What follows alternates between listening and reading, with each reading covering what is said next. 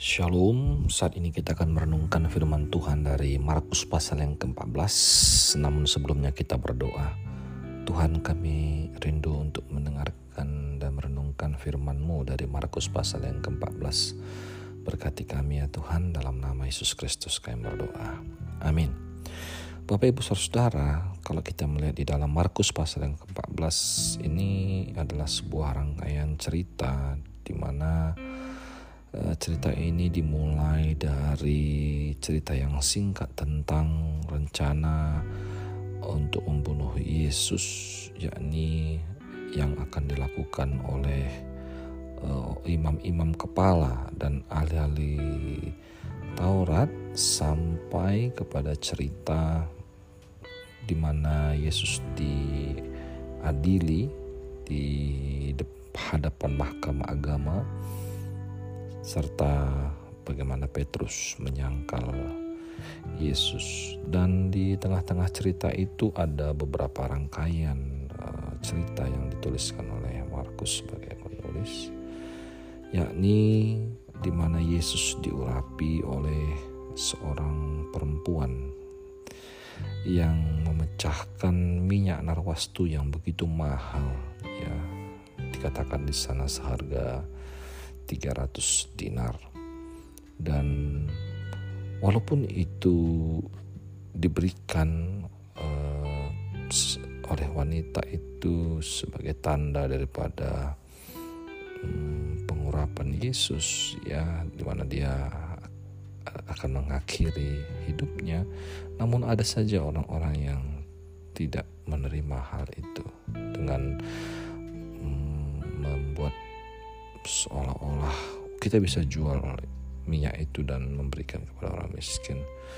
Namun Bapak Ibu Saudara, uh, Yesus uh, menjelaskan arti daripada pencurahan minyak itu kepada Yesus dan mungkin banyak orang tidak memahami pada waktu itu. Ya dan dia menjelaskan ia telah melakukan apa yang dapat lakukannya. Tubuhku telah diminyakinya sebagai persiapan untuk penguburanku kata Yesus. Ini adalah sebuah uh, pemberitahuan sebenarnya tentang kematian Yesus sudah yang sudah mendekat. Dan hal yang berikutnya adalah cerita di mana salah satu murid Yesus yang bernama Yudas Iskariot uh, berencana untuk menyerahkan atau mengkhianati Yesus ya dengan mendapatkan imbalan uang dan memang betul dia pada akhirnya menyerahkan Yesus atau menjual Yesus atau mengkhianati Yesus. Dan cerita yang selanjutnya itu diceritakan bagaimana Yesus makan Paskah bersama-sama dengan muridnya. Dan di sana uh, Yesus juga memberitahukan kepada murid-muridnya bahwa uh, di antara mereka ada kan ada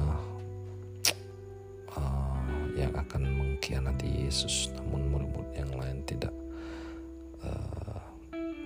sependapat dengan Yesus namun Yesus sudah tahu betul apa yang uh, akan terjadi bahkan uh, cukup intens pembicaraan murid-murid dengan Yesus secara khusus kepada Petrus. Nah, Bapak Ibu Saudara, dari hal ini kita juga harus menyadari bahwa kita harus berhati-hati dan berwaspada dengan kehidupan kita dan di mana ketika ada goncangan yang terjadi eh, dalam pengiringan kita kepada Yesus jangan-jangan kita ada kecenderungan untuk uh, mengkhianati Yesus atau meninggalkan Yesus. Dan sebagai manusia kita uh, selalu mengatakan ialah sesuatu yang manusiawi. Namun itulah yang sering terjadi ketika ada masalah dan pergumulan maka sering kali kita uh, bisa mengkhianati Yesus atau meninggalkan Yesus. Dan cerita yang selanjutnya adalah tentang penetapan perjamuan malam di mana Yesus di sana memecahnya roti dan uh, membagi-bagikannya memberikan nasihat ataupun memberikan um, sebuah tanda peringatan kepada mereka untuk mengingat akan uh, kematiannya dan dan benar apa yang terjadi bahwa uh, sebentar lagi bahwa Yesus akan diserahkan.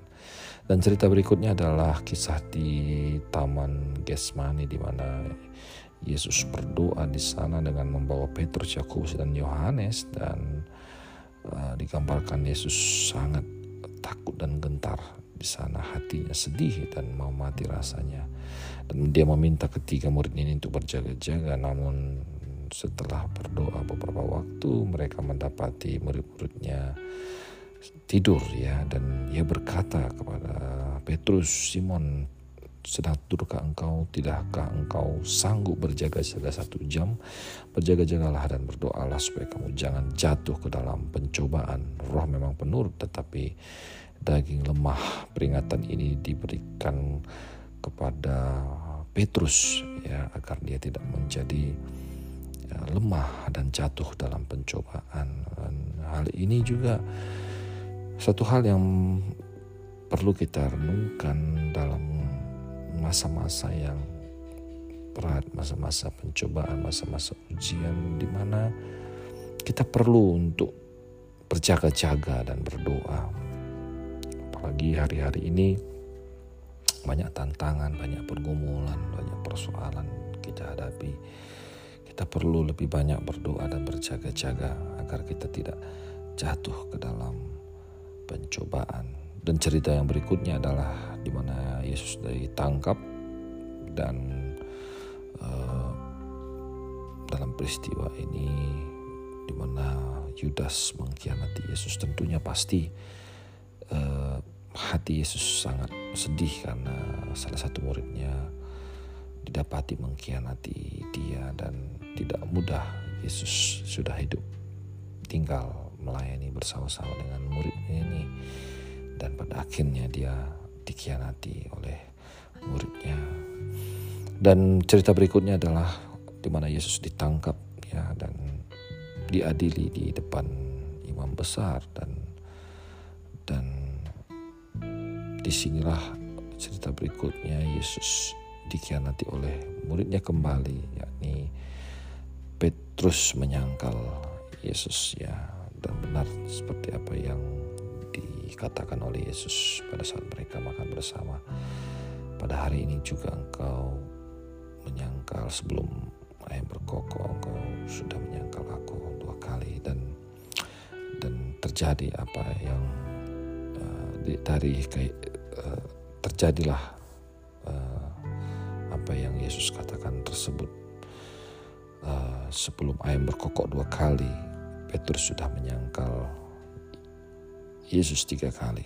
Dan pada akhirnya Petrus menangis terseduh-seduh. Dari rangkaian cerita ini, uh, ada beberapa hal yang secara pribadi saya mempelajari bahwa yang pertama adalah kita harus senantiasa tetap berjaga-jaga dan berdoa dalam masa-masa kehidupan kita dalam masa-masa pencobaan secara khusus agar kita tidak jatuh dalam pencobaan ya. Dan biarlah ini menjadi perenungan kita dalam menghadapi kehidupan dan uh, di akhir zaman ini tantangan semakin berat ya. Ujian pencobaan semakin berat. Namun mari kita belajar terus untuk berjaga-jaga berdoa. Yang kedua adalah uh, saya melihat bagaimana pengorbanan Yesus ya dia rela mati di atas kayu salib direndahkan dihina. Diperlakukan tidak adil diperlakukan. Seolah-olah dia adalah seorang penjahat besar. Dan dipertontonkan kepada banyak orang. Padahal dia mengasihi tidak pernah berbuat dosa tidak pernah bersalah. Di sini kita bisa melihat bagaimana kasih Allah, kasih Yesus kepada kita manusia. Seringkali kita menyanyiakan kebaikan kasih Allah itu. Dan kita perlu kembali untuk uh, merenungkan dan juga perlu kembali mengambil komitmen untuk lebih mengasihi Allah karena cintanya yang begitu besar kepada kita. Ini mungkin yang hal yang bisa kita uh, perlu pelajari dan yang ketiga adalah uh, bahwa apa yang sudah digenapkan di dalam firman Allah itu pasti terjadi dan untuk itu kita perlu percaya kepada firman Allah bahwa apa yang dikatakan oleh firmannya itu ya dan amin. Oleh karena itu ketika kita mengimani firman Allah maka itu akan terjadi percayalah dan salah satu yang perlu kita terus pegang uh, bahwa Yesus telah mati untuk segala dosa kita. Dia telah mengampuni kita. Dan barang siapa percayanya tidak akan binasa melainkan beroleh hidup yang kekal. Mari kita pegang tetap terus firman itu. Dan ada banyak firman-firman yang lain yang uh, sudah tergenas tergenapi dalam cerita rangkaian cerita ini. Semua firman Allah tergenapi. Bahkan uh, sampai kepada uh, penggenapan daripada kematian Yesus tergenapi. Biarlah firman Tuhan ini memberkati setiap kita sekalian. Marilah kita terus berdoa dan berjaga-jaga. Marilah kita terus mengingat kasih dan kebaikan Tuhan dalam hidup kita. Dan percaya dia tidak pernah meninggalkan kita. Dan yang ketiga percayalah kepada firmannya. Sebab firmannya adalah ya dan amin. Dia akan menggenapi firmannya.